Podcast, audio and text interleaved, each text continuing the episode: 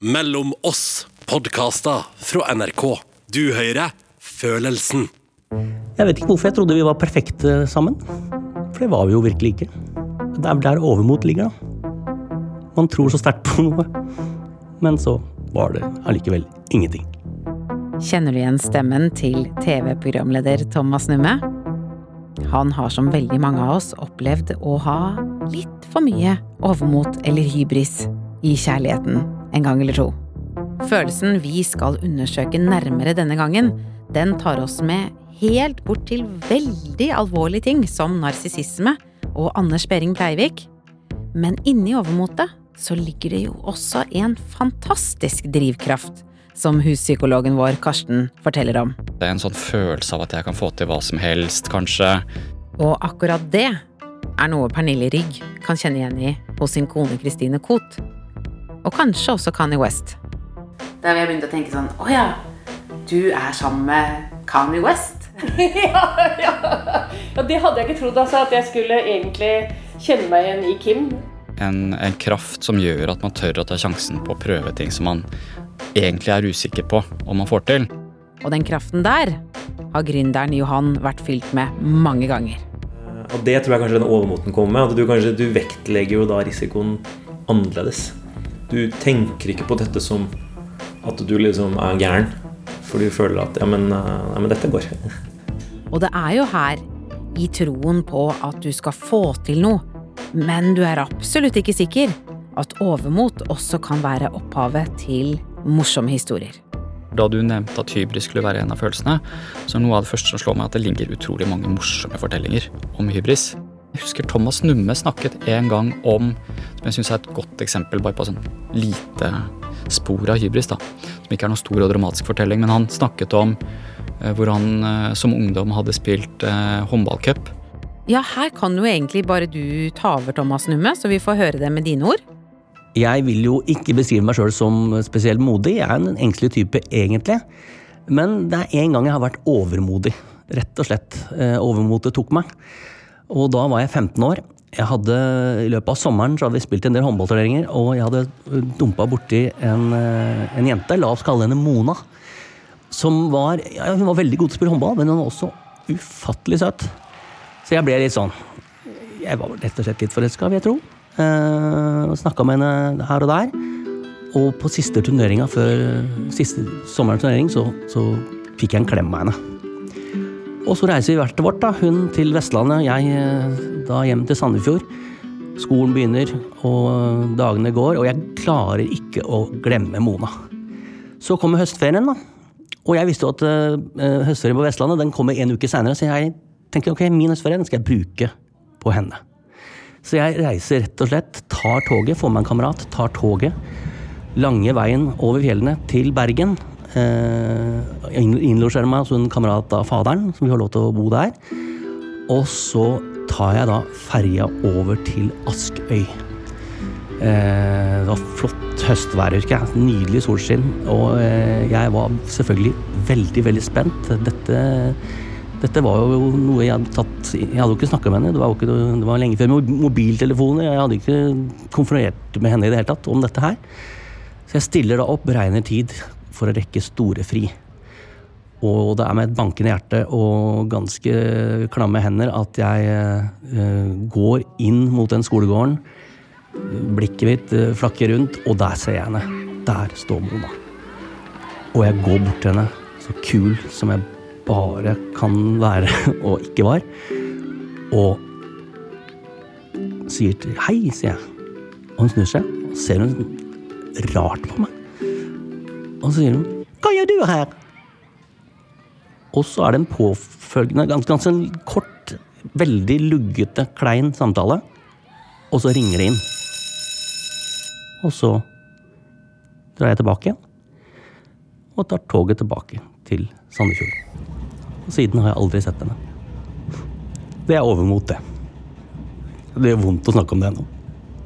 Jeg skjønner at du aldri kommer til å glemme den vakre høstdagen på Askøy, Thomas. Men samtidig så tror jeg at det er nødvendig med litt overmot i kjærligheten, for den gjør jo at du kanskje tør å satse på noe som egentlig er litt skummelt, og noen ganger så fungerer det jo. Og så tror jeg at der og da, på den ferga over, så er det jo sannsynligvis en del fine følelser også. Hvis man skal lete etter følelseskomponentene eller komponentene, så må jo det være en form for glede, ekstase eller eh, iver, nysgjerrighet, som gir deg kraft til å prøve på noe som du tenker at jeg vanligvis ikke vil klare, eller andre mener kanskje at jeg ikke vil klare det. Så det er et sånt et dytt i det. For det er jo et element av en irriterende etterpåklokskap her. Og så kan man senere komme tilbake. Enten en selv kan evaluere og si at nei, men det gikk jo ikke.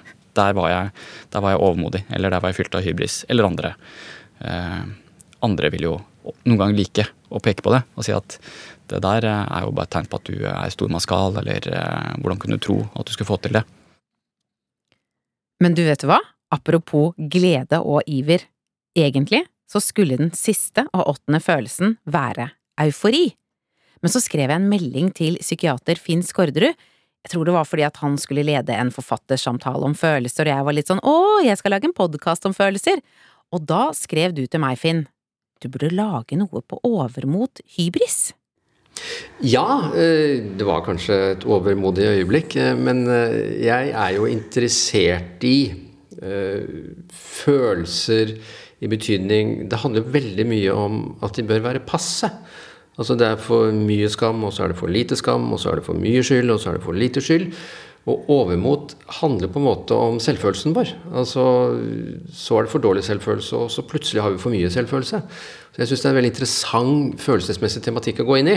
Og det tenkte jeg også. Veldig spennende. Kastet meg på forslaget med en gang. Vi skulle egentlig lage om eufori, vi. Og så bare, når du skrev det, så bare tenkte jeg ja, det er et eller annet eh, fascinerende, tror jeg, ved overmotet. Ja, man kan prøve å gjøre det litt sånn uh, utviklingspsykologisk, da, som det så fint heter. Hva betyr det? Jo, vi har alle vært spedbarn og barn en gang. Og en litt sånn freudiansk tradisjon, vi kaller det psykodynamisk tenkning, nemlig at vi har dynamiske krefter i sinnet. Og hvis man ser på et lite barn, så kan man jo tenke seg at det barnet har to følelser i seg det har en veldig avmakt. Altså, et spedbarn er komplett avhengig. Det kan ikke skifte egne bleier, det kan ikke mate seg selv, og det kan ikke gå og lukke døra hvis det er trekk. Det er helt avhengig, det er avmektig. Samtidig så kan man tenke seg at et lite barn, før det virkelig forstår hvordan verden er, eh, er også allmektig. Eh, det er eh, jeg, hersker i sitt eget univers. Her løper det en mor rundt og ordner tingene. Og avmakt, allmakt er kanskje to veldig sånn primitive, primære følelser. Og så blir vi utsatt for noe vi kaller oppvekst. Og da får vi slipt ned dette. Eh, og i beste fall så blir disse to polene slipt ned til noe som er sånn rimelig sunt sinn. Men så kan man tenke at man liksom ikke får helt slipt det ned, da. Og at vi blir kasta mellom allmakt og avmakt. Og der kan overmotet komme inn. For vi ser jo at en del mennesker de har det de selv beskriver og vi selv kan beskrive. Lav selvfølelse. Eh, liten tro på seg selv. En del mennesker med lav selvfølelse har også tidvis voldsomt stor selvfølelse. Eh, så vi ser ofte at en del mennesker de kan kjøre heis mellom allmakt og avmakt eh, i ungdomsårene i voksent liv. De kan få storhetsideer om seg selv. Vi kan godt snakke om et annet ord etterpå som heter narsissisme. Ja, vet du hva, det tenker jeg vi skal gjøre etterpå. Snakke om narsissisme og hva som i verste fall kan skje når vi får for høye tanker om oss selv. Men jeg har lyst til å minne deg på utgangspunktet. Jeg var faktisk veldig opptatt av gresk mytologi da jeg var barn, og er det noe jeg forbinder med hybris, så er det denne gutten, Ikaros, som har på seg noen vinger som faren hans har laget, men så hører han ikke på far sin, flakser for nærme solen og detter deis i bakken. Men jeg hadde glemt alle de sinnssyke detaljene. Men det har ikke Karsten. For det første så heter altså faren Daidalos. Eh, som var en genial oppfinner eh, i, i, Aten. Eh, og han fant opp eh, ting som Eh, det første badet, visstnok. Han konstruerte eh, trefigurer som lignet på ordentlige dyr. Han laget det første dansegulvet, så jeg til min store overraskelse, hva nå enn det må ha vært. Og hvorfor det var en stor prestasjon. Men han var i hvert fall en type som fikk til veldig mye, som var en god eh, ingeniør, da, antageligvis. Men Daidalos var ikke nok med dansegulv og baderom. Han ble sjalu på nevøen, som også var en genial oppfinner, og drepte ham. Eh, Da en veldig sjalu og egoistisk type. Da ble Daidalos og familien forvist til Kreta, hvor kong Minos regjerte. Det var veldig god stemning der i begynnelsen, helt til Daidalos begynte å hjelpe dronninga i en litt sånn komplisert og vanskelig utroskapshistorie. Eh, Det er en rar fortelling, men det, det, kommer, det kommer noen moralske poenger etter hvert. Dronninga blir nemlig forelska i en okse. Greit, hun blir eh, forheksa, altså, men hun blir likevel forelska i en okse. Daidalos bestemmer seg for å hjelpe. Han lager en treku. En, eh, en mekanisk treku som hun kan plassere seg inni og styre ved hjelp av noen spaker. Og denne trekua som Daidalos har laget, den er såpass avansert at det går an å gjennomføre samleie. Og ikke bare det, dronninga blir gravid. Eh, Men når da minotauren blir født, altså halvt okse, halvt mann, så blir jo kong Minos rasende, Og som straff så må Daidalos lage en komplisert labyrint. som, eh, som minotauren blir plassert i midten av for å ikke slippe unna. Tilbake til Minos. Han er pissesur fremdeles. Og det er jo egentlig ikke så rart, vi har jo lært en del om hvor sterk følelsen ydmykelse er. Den blir jo kalt følelsenes atombombe. Så Minos han er på en måte ikke ferdig, den labyrinten er ikke nok. Så han vil straffe Daidalos mer for at han hjalp kona med å være utro med en okse. Og i tillegg så blir da Daidalos og hans sønn Ikaros, som er den navnet som mange forbinder med hybris, eh, satt i fengsel oppå verdens høyeste tårn, hvor de skal måtte være til sin død. Og nå kommer vi altså til den delen av historien som de fleste har hørt om. Daidalos finner jo også løsning på hvordan de skal flykte derfra. Han samler fuglefjær og lager to sett med, med vinger som de, eh, som de fester disse, disse fjærene blir festet med, med noe voks fra noe talglys, tror jeg. Pappa sier ikke fly for lavt, for da kan vingene bli ødelagt av vannet, men ikke fly for høyt heller, for da kan du brenne opp. Ikaros hører jo som kjent ikke på pappa, Eh, Antageligvis så mener man her at han er en eh, mer rasjonell figur i kraft av sin, eh, sin alder og sin visdom, så han klarer å holde seg i dette midtsjiktet. Mens Ikaros, fylt av ungdommelig overmot, han flyr høyere og høyere, og kommer da til slutt så nær solen at det går som Daidalos har sagt. Voksen smelter, fjærene faller av, han styrter til døden og drukner. og moralen, Karsten, hva er den? Så det å tro at man kan bevege seg for høyt opp eh, og, og stille seg nærmest på lik linje med Gud eller med gudene, det advares det mot. Eh, og sånn sett så ligner jo det på en eller annen form for jantelov, da, eller litt som du sier, at det er en skadefryd knyttet til de som tror at de kan være så høyt der oppe. Og dette ligner jo, uten at vi skal trekke den parallellen for langt, litt på det vi kanskje ser f.eks. hos Trump, selv om det selvfølgelig også kan da være strategiske grunner til, eh, til eh, at han opptrer sånn som han gjør. Det å stille seg på lik linje med gudene. Det har jo vært noen sånn overmenneskelige trekk under denne koronaen. Litt hybris å ikke bruke maske, for eksempel. Typhoid Donnie made a triumphant return to the White House last night with a dramatic balcony scene that only an egomaniac on massive amounts of drugs would ever even think to stage. And you see him here, um, he takes it off and he's getting ready for his pictures. Det er forresten kommet en dokumentar i 2020 som knytter Trump til det begrepet som Finn Skårderud har lyst til å snakke om, nemlig narsissisme. Og en av dem som snakker der, det er George Conway. Han er fra The Lincoln Project. Det er jo en gjeng republikanere som jobber aktivt for å hindre at Trump skal bli gjenvalgt. Og han ble altså overbevist om at Trump var en ond narsissist. I guess I must have been Googling Trump and mental health. Because I clearly thought there's something seriously wrong with him. And I came across an article in Rolling Stone magazine Is Trump a malignant narcissist? And a number of people like Dr. Gartner were interviewed. And as soon as I read that, I realized, oh, that's it. Så jeg tenker at det egentlig passer å plukke opp den tråden om narsissisme igjen, og Finn Skårderud. Narsissistisk regulering av selve, kaller vi det opp til. Eh, noen håper jeg, bygger av og til et overmot over sin litenhet. Eh, man pumper opp en storhet. Eh, man tror at man er ekstremt god, dyktig, flink. Jeg har møtt mennesker som ikke kommer seg gjennom ungdomsskoleeksamen for de mener at nivået på lærerne i Norge er altfor lavt. Fordi at eh, De burde egentlig gått på en spesialskole på Harvard, men de fikk ikke tatt ungdomsskoleeksamen. Så dette med avmakten og allmakten og litenheten og storheten, det syns jeg er en veldig interessant tematikk. Det som ofte skjer med en del mennesker som flyr litt høyt, som er litt overmodige, når de møter noe som stikker hull på dette, så ser vi at noen av dem detter ned i en voldsom fortvilelse. Eh, av og til et raseri. Eh, av og til kaller vi det et skamraseri. Mange detter ned i skam. Så denne trafikken opp og ned, den syns jeg både er klinisk viktig, eh, den er teoretisk viktig. Vi fikk en alvorlig samtale om det i Norge for en del år tilbake, da Anders Behring Breivik i rettssalen fikk diagnosen narsissistisk personlighetsforstyrrelse. Og det handler nå om han skulle redde Europaen fra kvinner og kommunister og sosialdemokratiet.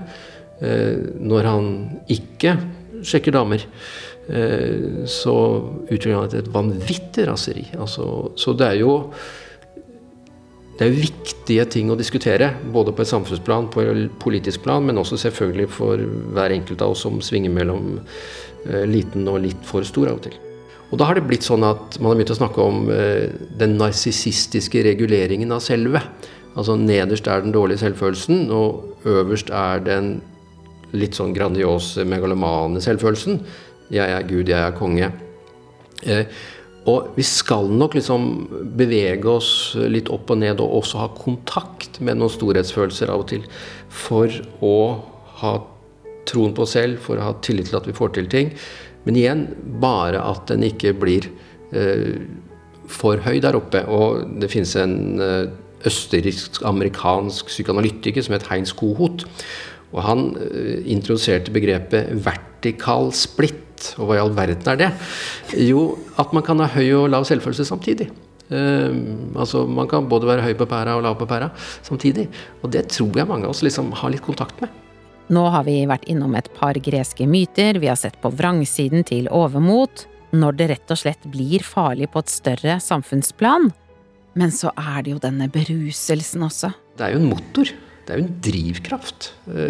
Hvis vi bare hadde vært reserverte og sjenerte og skamfulle, så tenk på alt som ikke hadde vært gjort. Man kunne kaste seg ut i næringslivet. Betydningen av å tro at jeg skal få til dette her. Jeg er en som driver med startups. På en måte så sitter du og jeg nå i et hus som på en måte er produkt av et overmot jeg satt på en gang. Vi har stifta Villa Sult, at du starter noe helt nytt. Altså, det er jo hensiktsmessig å ha det i perioder. Og hvis det var for hybrispreget, så får du høre det ganske fort nok. Da var det ikke belegg. Men vi skal ha litt sånn sans for det som er litt motor i ting også. Drivkraften.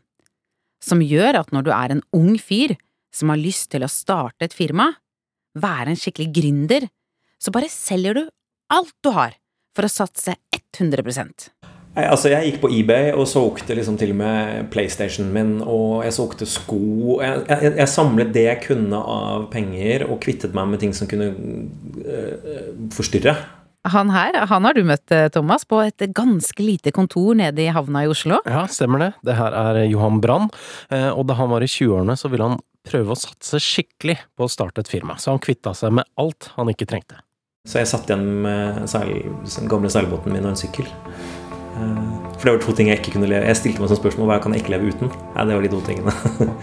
Men allerede da han var 20, så ble han lei til å jobbe med et mobilselskap som het Magcom. Som var en sånn revolusjonerende mobiltelefon som skulle Det var liksom forløper til smarttelefon, og hadde også magnesium i seg for å hindre stråling til hodet. Veldig mye av produktet var riktig. Det var altfor tidlig ute. Man gjorde liksom den mobile internett før mobilinternett var klart. Man hadde altfor høye produksjonskostnader. Man skulle produsere et land som ikke er gode på masseproduksjon.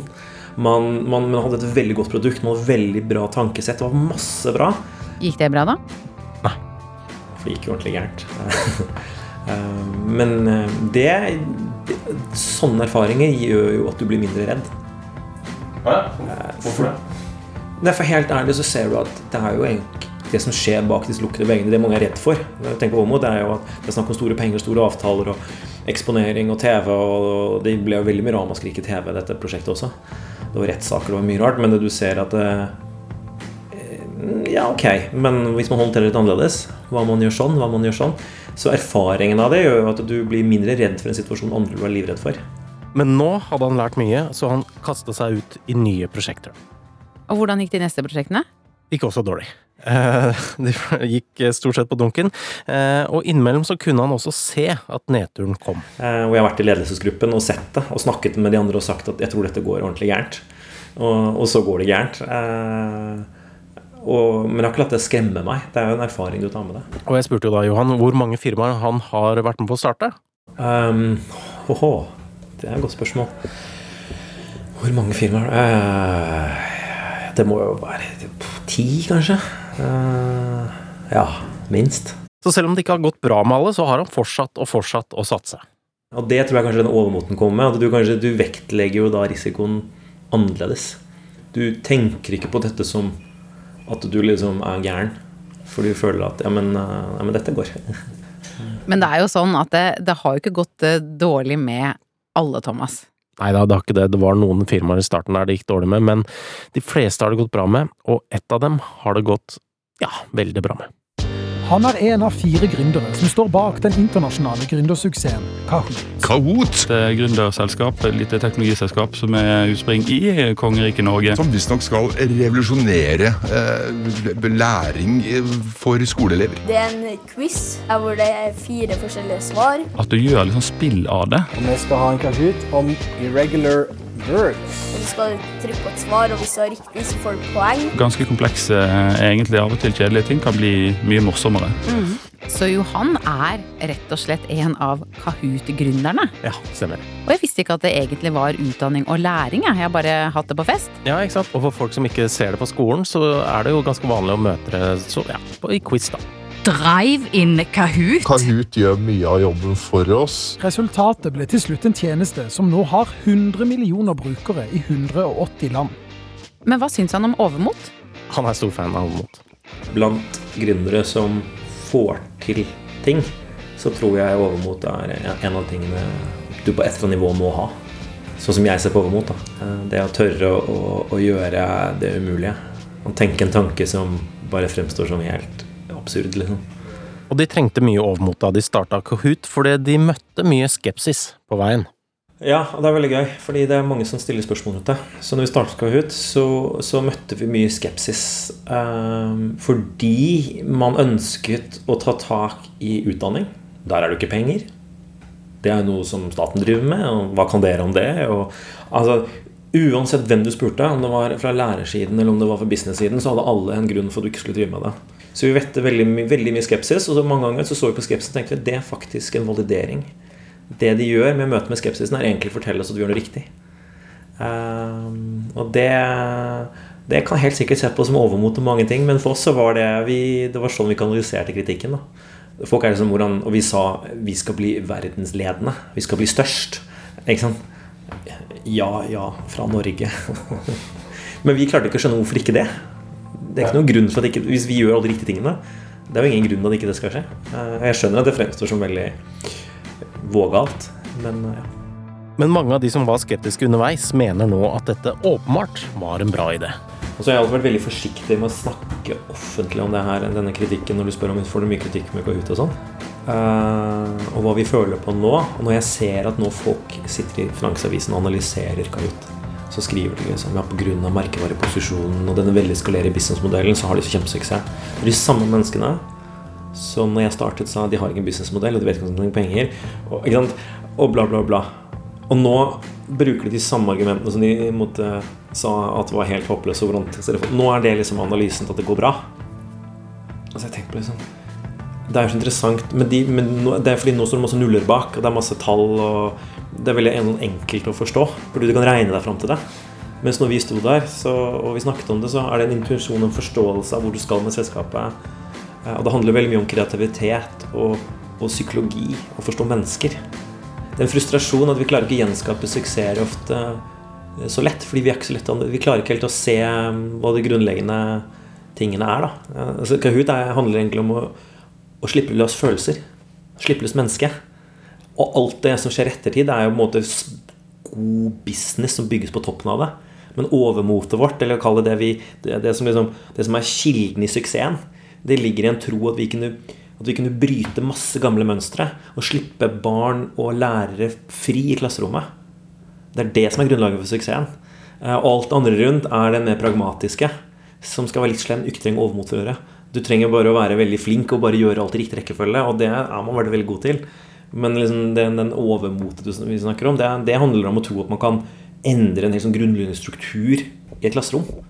Men det snakker man ikke om nå så mye. Nå blir man veldig opptatt av alt det andre. Og det er en frustrasjon eh, jeg tror mange tenker på, da. Men er han med i Kahoot lenger? Nja, han solgte mye av aksjene sine for et år siden, og han er ikke med og driver det til daglig lenger. Så hva gjør han nede på det lille kontoret i havna i Oslo? Nei, altså Han og to andre har starta et firma som heter Entrepreneurship, som da nettopp har flytta inn i dette lille kontoret. Og akkurat hva de gjør, det hender at eh, Johan også sliter med å forklare. Eh, men det han vet, er at det de virkelig trenger, det er overmot. Ja, eh, absolutt. Fordi denne gangen så satser man enda mer abstrakt. Eh, på mange måter enda større. Uh, Sist gang skulle vi bare endre læring i hele verden. Altså, det er jo bare én ting. Uh, nå, skal vi få, skal vi få dreiet uh, verden til å satse på havet. Når hele verden egentlig ser til, til, til, space, altså til verdensrommet, så sier vi at det er havrommet. Det er der framtiden ligger. Så vi ser jo helt klart at vi kan fremstå som litt gærne. Du kan fremstå som liksom, du, kan, du har ikke bakkekontakt. Det plager deg ikke Plager deg litt? Eller? Jo, det plager meg. Fordi av og til så er det vanskelig når du faktisk sitter i en konkret forhandling om å gjøre et eiendomsprosjekt ja. eller, eller en teknologiinvestering. Og så vil jo folk at du skal forklare Ja, men hva er det egentlig? Hva er det egentlig du driver med? Hvorfor sånn? Og så, så tenker du at jeg, på en måte, jeg kunne ønske at jeg nå kunne putte det i en boks og sette, et, sette en merkelapp på det, og du forsto det. Men det er bare at der vi skal eh, Vi har et ordtak som sier at vi, vi gjenkjenner suksess når vi, når vi møter den. Men jeg kan ikke forklare deg hva det er nå. Og det er litt sånn fra kunsten. Det er at du, du gjør en del ting, og så, og så, plutselig så ser du i bildet at ah, der! Dette var, dette, dette var, det unike. Hvordan forklarer du det i en forhandling med businessfolk som skal putte masse penger inn? At jeg kan gjenkjenne suksessen når jeg ser den. um, og der, jo, der, ligger den problematikken. da Å ha dette overmotet og denne veldig troen på at vi får det til. Bare back meg. Men det er litt tilbake til Amundsen, det er litt tilbake til Nansen, som faktisk sa det. Bare, bare, gi meg denne båten, gi meg disse pengene. Kom med mannskapet, så skal vi, vi kommer til å løse det. Så Johan vet at han er litt eh, preget av overmot her. Ja. Og det plager han litt, men han har ikke tenkt å stagge det likevel? Nei, han har tenkt til å få overmotet til å spre seg enda mer. Det er jo egentlig det vi gjør nå, er jo egentlig å fòre det mer. Fordi vi tror at det som kommer nå, med det verdiskiftet verden skal inn i nå, og, og, det at vi har behandlet havet som gjort fram til nå, og det å skulle endre det og faktisk opp, få liksom folk til å få den derre utforskeren i seg og, og, ta et ganske stort steg da, ut av komfortsonen, ja, da må, du, da må du ha overmot. Og de må også ha overmot, for de skal bli med. Så kanskje ditt poeng der, det vi prøver å gjøre bakhodet, jeg faktisk må vekke det hos dem. De som, hos meg ligger det latent. Det er der. Jeg bruker det ofte. Jeg får ikke gjort noe med det. Jeg er liksom, sånn er jeg. Men det jeg prøver her, er å få andre, få folk som er viktige, få hvermannsen til å, til å også få det overmotet. Og tørre å ta tak i det. Da. For jeg tror vi alle har det. Eh, men jeg tror av og til så trenger du noen til å liksom dytte deg eller vise deg veien. Eller, ja. Så derfor ligger det der. For jeg tror det er en skaperkraft i det. Da. Og det er som Karsten sier, vi trenger det der i gruppa. I en gruppe så er det veldig nødvendig at noen holder på med dette. At noen er overmodige og dermed også at eh, en del feiler eh, og gjør seg erfaringer som er smertefulle for dem, men som for gruppa totalt sett er bra likevel. Og i gruppa vår så finnes det jo alt mulig. Heldigvis. Det finnes en dame med blomsteroppsats på hodet, fargesprakende klær, og hun forteller så åpent om kreft og kokainmisbruk at hudløs får liksom en ny betydning. Men ved siden av den dama så står det en annen, nemlig kona til Christine Koht, Pernille Rygg, og det er hun jeg skal snakke med nå. For da jeg leste Kots bok, og ikke bare overskriftene som Christine Koht brukte 70 000 på kokain, så finner man jo en historie som handler like mye om kjærlighet som dødsangst og det å ha en bipolar lidelse. Det er en utrolig vakker og morsom, men også noen ganger veldig vond kjærlighetshistorie. Og det gikk også opp for meg hvorfor overmot, på både godt og vondt, blir knyttet til bipolar lidelse. Og så var det dette her, da.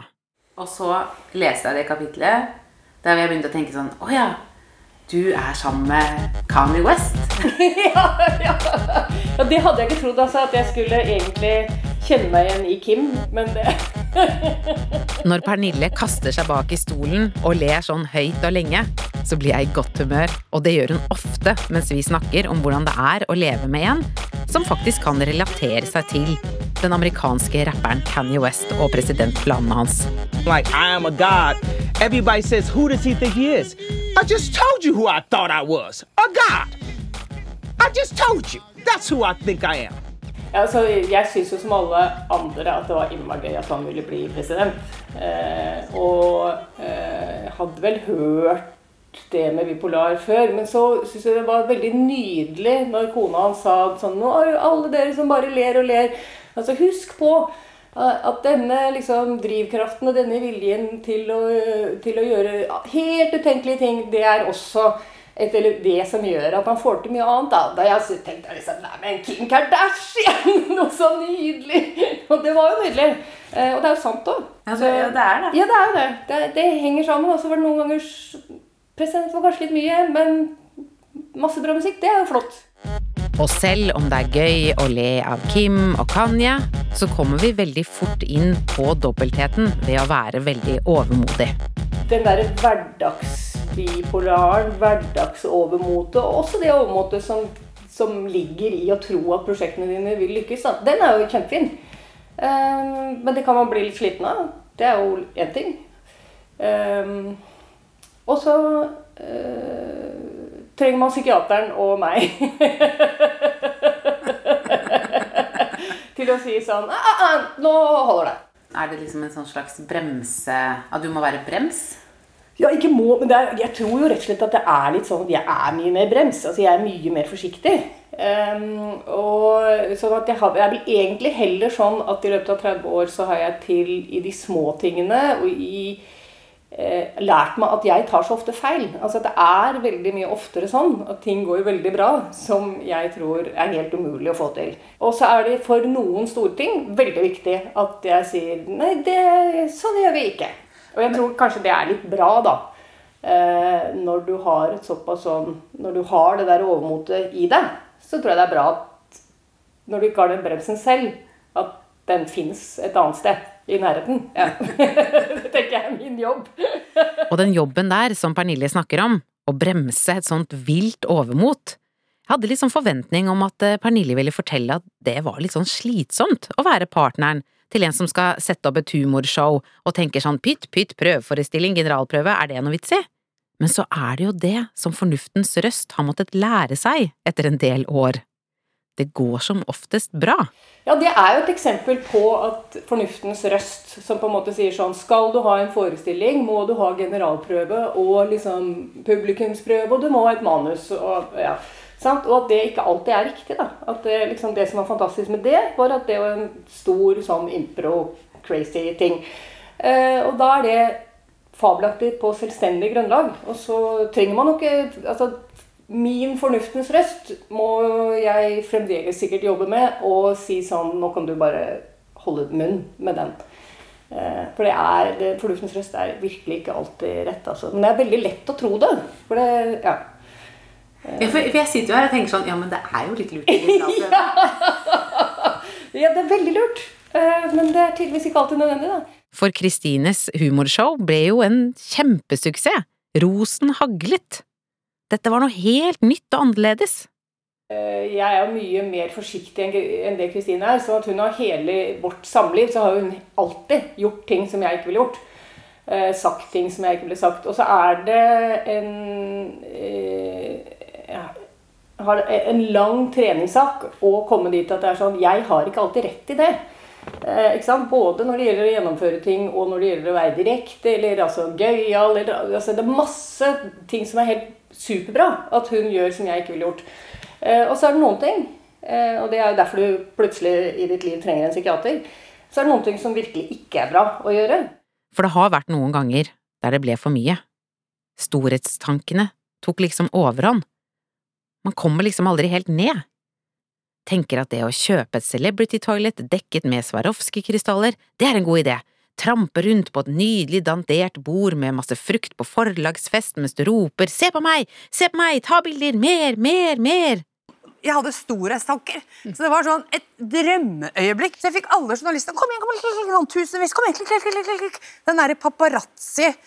Og så tenkte jeg sånn Nå, dette er det som skjer i Norge i dag, akkurat nå, det viktigste, det er meg her. Plutselig, da hun ble sjuk med dette, eh, altså bipolar hvor det blir mani og det ikke blir bra, så har du jo på en måte egentlig også, det er jo det vanskelige, så har man jo på ett vis også tilrettelagt for det, hvis du skjønner. Ikke sant? Ikke da plutselig visst forskjellen på og dette er av de gode, overmodige tingene.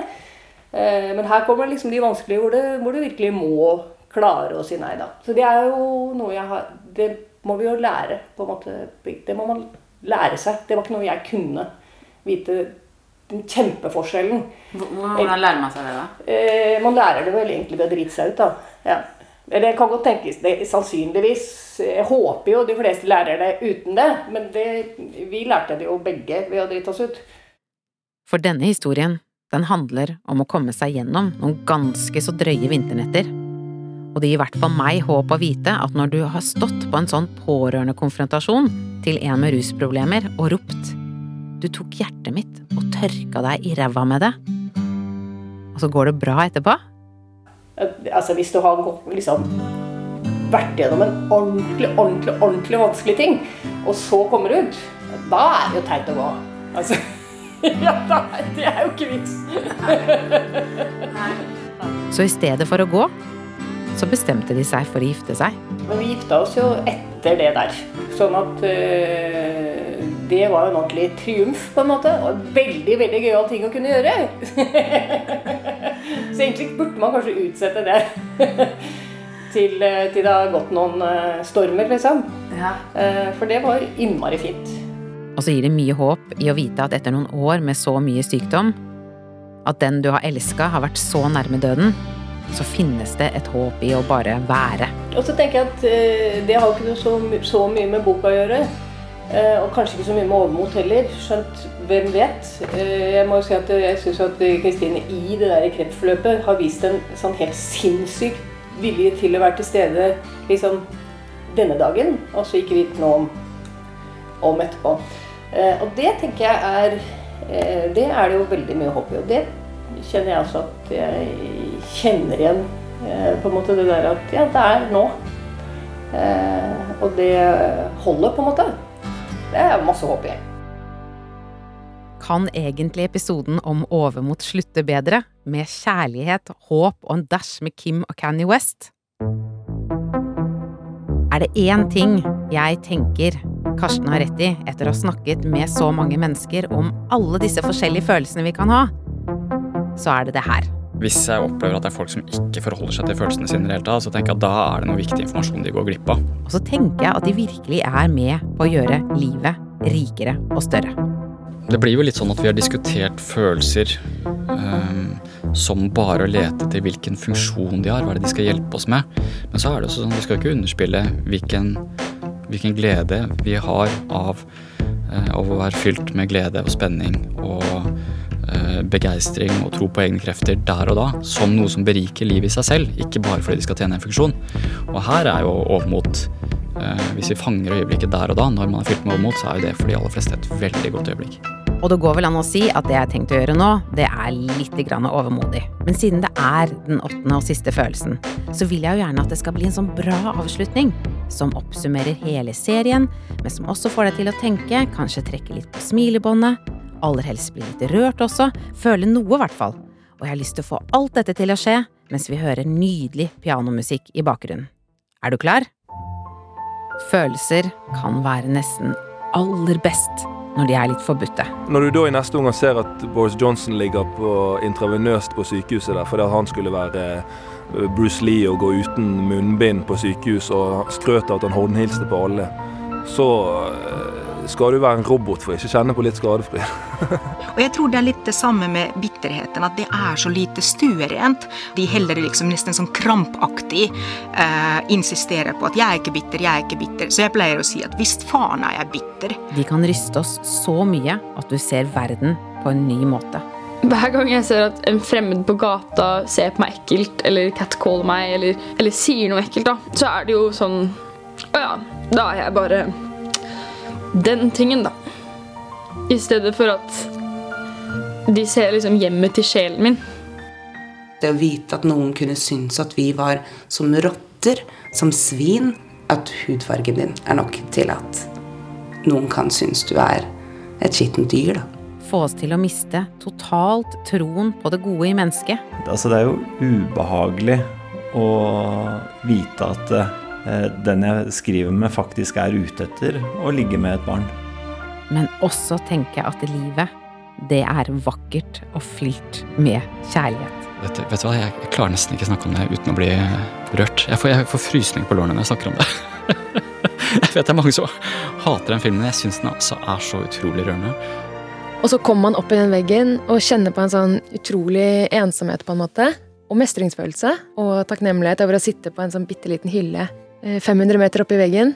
Og det er liksom ingenting annet som gjelder, da. Og jeg tenker at Kirsten på 92 har rett. Selv om det ser ganske mørkt ut for menneskehetens overlevelse nå for tida, så bør vi jo kjempe for å hindre det. Selv om jeg er pessimist, så står jeg på. Og jeg gir meg ikke.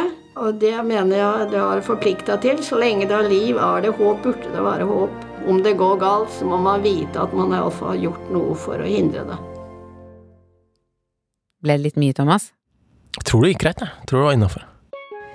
Det er jeg, Kristine Lossius Torin og Thomas Aune som har laget serien Følelsen. Men etter oss, i Mellom oss, så kommer det en ny podkastserie, og den heter Havarikommisjonen. Den handler om parforhold, fra den søte begynnelse til den bitre slutt.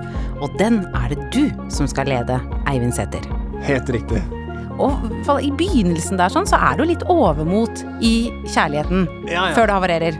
Veldig. Og altså, kjærlighet er jo overmot. Det er den der fantastisk flotte starten hvor alt er mulig, og du tør å, å gjøre og si ting du aldri ville gjort ellers. Og så gjør jo vi det sånn, da. At vi følger parene fra den starten og til det raser fullstendig sammen. Og så prøver vi da å se på hvor er det ting går galt, og hva kunne man gjort for å unngå at det skulle ende sånn. Så altså, hvis du abonnerer på Mellom oss allerede, så får du Havarikommisjonen inn på telefonen din. Og hvis ikke, så syns jeg du, du burde begynne med en gang. Det er bare å trykke stjerne i eh, NRK radioappen. Nydelig. Trykk stjerne. Du har hørt en podkast fra NRK. Hør flere podkaster og din favorittkanal i appen NRK Radio.